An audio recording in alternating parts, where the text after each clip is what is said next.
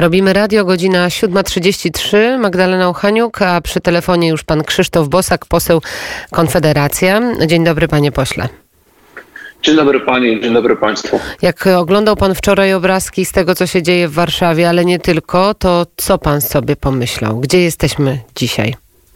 No przede wszystkim zadawałem sobie pytanie, dlaczego policja nie interweniuje i miałem e, informacje z różnych miast o tym, że policja przygląda się, jak protestujący atakują czy niszczą obiekty sakralne, czy atakują po prostu osoby, y, często nieliczne, bo mobilizacja społeczna w tej sprawie dopiero się zaczyna, które broniły wczoraj i w poprzednich dniach kościołów i mam wrażenie, że jest to jakaś spójna strategia i minister spraw wewnętrznych oraz nadzorującego Jarosław Kaczyński powinni albo wyjaśnić publicznie, jakie są przyczyny tej bezczynności policji, e, albo po prostu podać się do dymisji, bo nie wykonują swoich konstytucyjnych obowiązków.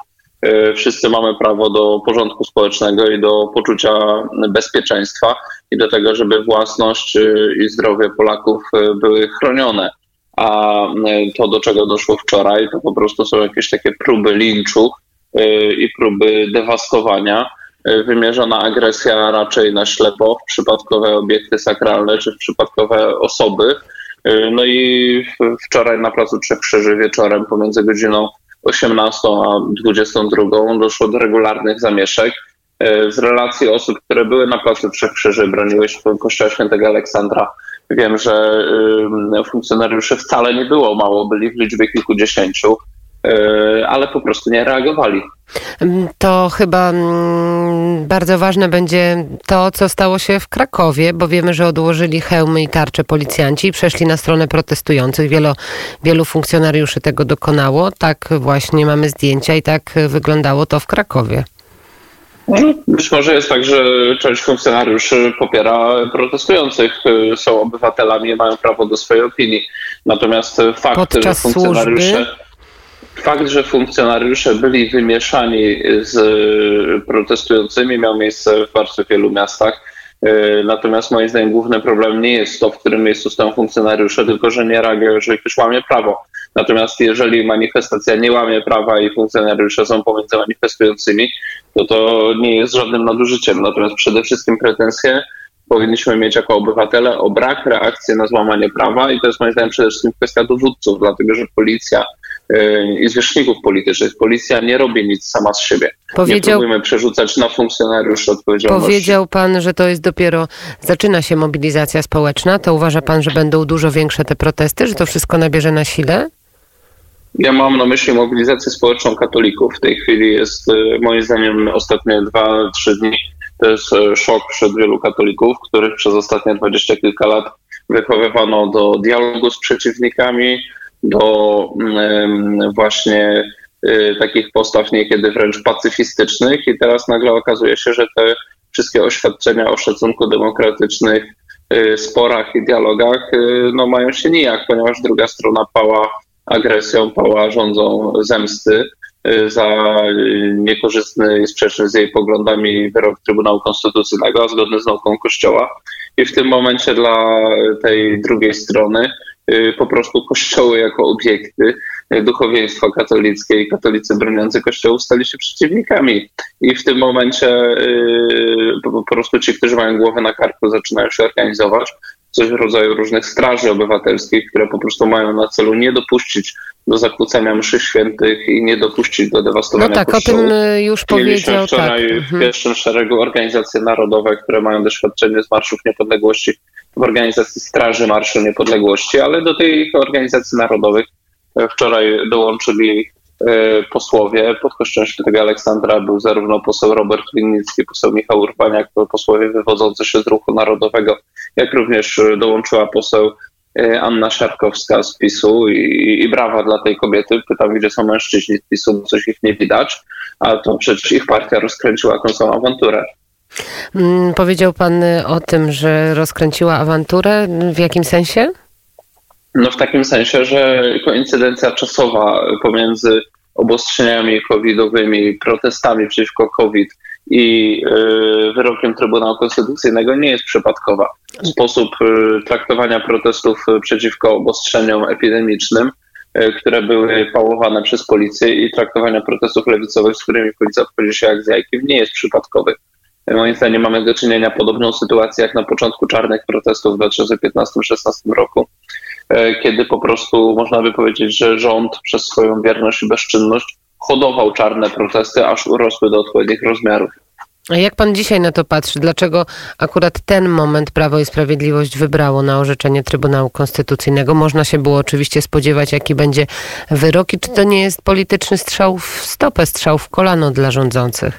Wydaje mi się, że to jest polityczny strzał w stopę. To znaczy, wydaje mi się, że wybór takiego momentu, który jest dość czytelny politycznie, yy, nieprzypadkowy, jak się wydaje, podważa wiarygodność Trybunału Konstytucyjnego utrudnia zwolennikom e, ochrony e, życia nienarodzonego, bronienie tego e, nowego stanu prawnego, w jakim się znaleźliśmy i dodaje, że tak powiem, dolewa benzyny do ognia, dolewa benzyny do ognia konfliktu społecznego. Z czego może wynikać taki wybór? Mogę tylko spekulować. Być może Jarosław Kaczyński no to pospekulujmy, uważał, że kiedy, ob, o, być może uważał, że kiedy obowiązują obostrzenia związane z kwarantanną i z epidemią, to po prostu protesty się nie odbędą, bo nie, nie będą się mogły odbyć. Natomiast widać, że mamy radykalizm po stronie protestujących i obostrzeniami prawnymi oni się absolutnie nie przejmują. E, być może, e, być może Jarosław Kaczyński uważał, że ludzie zaraz o tym zapomną i skupią się na e, kwestiach związanych z kryzysem gospodarczym i zagrożeniem koronawirusem. No widać, że nie, dlatego że jak widać, ta sprawa jest dla nich po prostu ważniejsza. To jest I... wojna, to jest to hasło, które cały czas słyszymy. To jest bardzo mocne hasło, już nie mówiąc o tych wulgaryzmach, e, które są głównym hasłem tych protestów. Uważa pan, że e, jaki może być scenariusz? Czy jeżeli chodzi już stricte o politykę, czy na przykład może dojść do przedterminowych wyborów, że może być tak opresyjnie ze strony protestujących, że będzie sparaliżowany kraj? Znaczy, nie wydaje mi się. Przypomnijmy, że od dłuższego czasu trwały protesty rolnicze. Moim zdaniem rząd też jest pod, pod tako, w takiej sytuacji. Wiemy, że w tym tygodniu spółki komandytowe w tym sektorze są spółki transportowe, planowały blokować Warszawę. Moim zdaniem y, Jarosław Kaczyński jednak chyba trochę stracił zmysł polityczny, dlatego że y, w momencie, kiedy poszedł na wojnę już z dwoma czy, czy, czy kilkoma grupami, w szczególności mam na myśli rolników, przedsiębiorców, dodawanie kolejnej y, linii konfliktu i to z całym społeczeństwem akurat w tym momencie no jest po prostu nieroztropne, bo te, te protesty to widać bardzo wyraźnie zaczynają się sumować.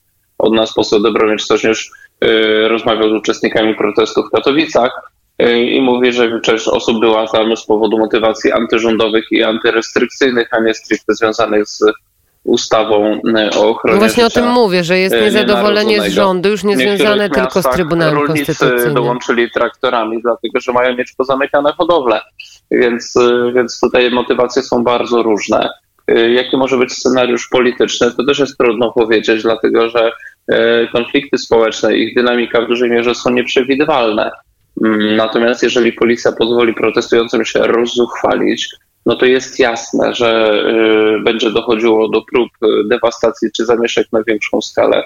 Próby dewastacji czy zamieszek przynoszą po pierwsze poczucie sukcesu. Jeżeli dochodzi do udanych y, dewastacji, winni nie ponoszą kary. To już w tej chwili widzimy po wczorajszych zamieszkach Kościół Świętego Aleksandra.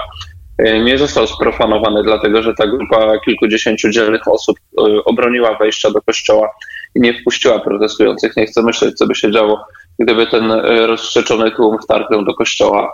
Natomiast e, elewacja jest po prostu poplamiona farbami. E, posadzki dookoła kościoła są częściowo poniszczone, a były dopiero co restaurowane rok, czy dwa, czy trzy lata temu, wiem, bo obserwowałem to uważnie, ponieważ jest to kościół położony blisko Sejmu. No i, i, i po prostu poza tą satysfakcją z udanego zwrócenia na siebie uwagi medialnej, mobilizacji ludzi i braku poniesienia kary za złamania prawa, już widać, że po ostatnich dwóch dniach występuje taki mechanizm, że wśród protestujących zaczynają się pojawiać tak zwani męczennicy. To znaczy wczoraj jakiegoś kierowcy puściły nerwy i po prostu y, protestujących na pasach y, postanowił objechać, czy, czy, czy, czy jakoś tam ich zepchnąć z drogi i potrącił dwie kobiety czy dwie dziewczyny już y, sprawa jest eksploatowana przez media. Panie pośle, ale czy na tym... Osoby czy zdjęte na przy kościele Świętego sytuacji... Krzyża ze schodów już mhm. są przedstawione jako zrzucone ze schodów. Y, no i przedstawiane jest to jako usprawiedliwienie następnej agresji w stronę osób broniących kościoły. Panie No pośle, niestety czy na tej spirala sy- nienawiści się nakręca, Tak, to widzimy.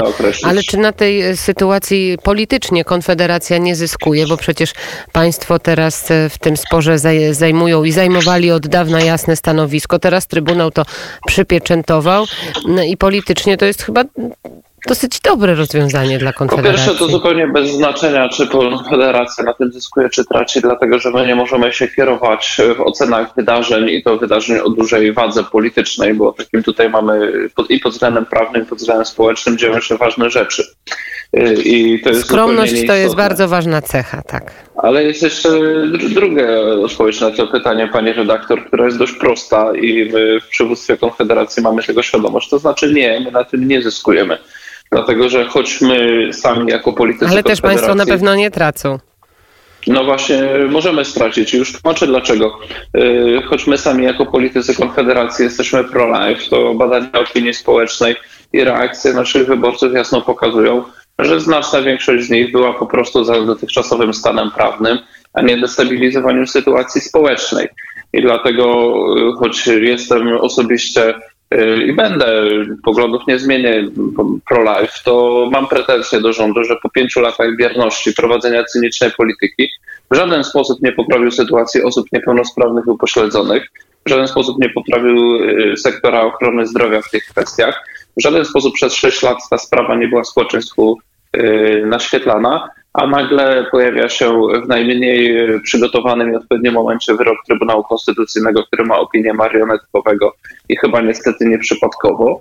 Yy, Wiadomo, że ta sprawa jest rozgrywana w ogólniejszym konflikcie politycznym i pojawia się nagle nie z tego niezłego tempa propaganda w telewizji publicznej, która ma nagle niby coś tutaj łagodzić. No niestety w ten sposób nie prowadzi się odpowiedzialnej polityki i my jako politycy Konfederacji chcielibyśmy, żeby nasze państwo prowadziło odpowiedzialną politykę, w której obywateli się szanuje, a jest to ostatnia rzecz, którą można powiedzieć o tym, co w tej chwili Panie- robi PiS. Rozumiem i panie pośle, na koniec jak będzie z Marszem Niepodległości 11 listopada? Nie wiem, jest to rzecz, o którą trzeba pytać y, liderów Stowarzyszenia Marsz Niepodległości. Wiem, że sytuacja, jeżeli chodzi o obostrzenia i sytuacja, jeżeli chodzi o przyzwolenie na protesty, zmienia się jak w kalejdoskopie, dlatego jest mi to trudno komentować. Y, Mniej więcej tydzień temu wydawało się, że nie będzie można robić absolutnie żadnych zgromadzeń. Dziś okazuje się, że policja jest bierna wobec y, idącego w tysiące lub dziesiątki tysięcy osób tłumu. Jeżeli tak, y, to sytuacja wymaga przemyślenia na nowo. I być może też o to chodzi, żeby na ulicach po prostu zawrzało przed świętem niepodległości. Bardzo dziękuję. Krzysztof Bosak, Konfederacja, był gościem poranka wnet. Dziękuję bardzo, pozdrawiam. Godzina 7.46, a dzisiaj muzyczny wtorek i muzyka Tomasza Wybranowskiego.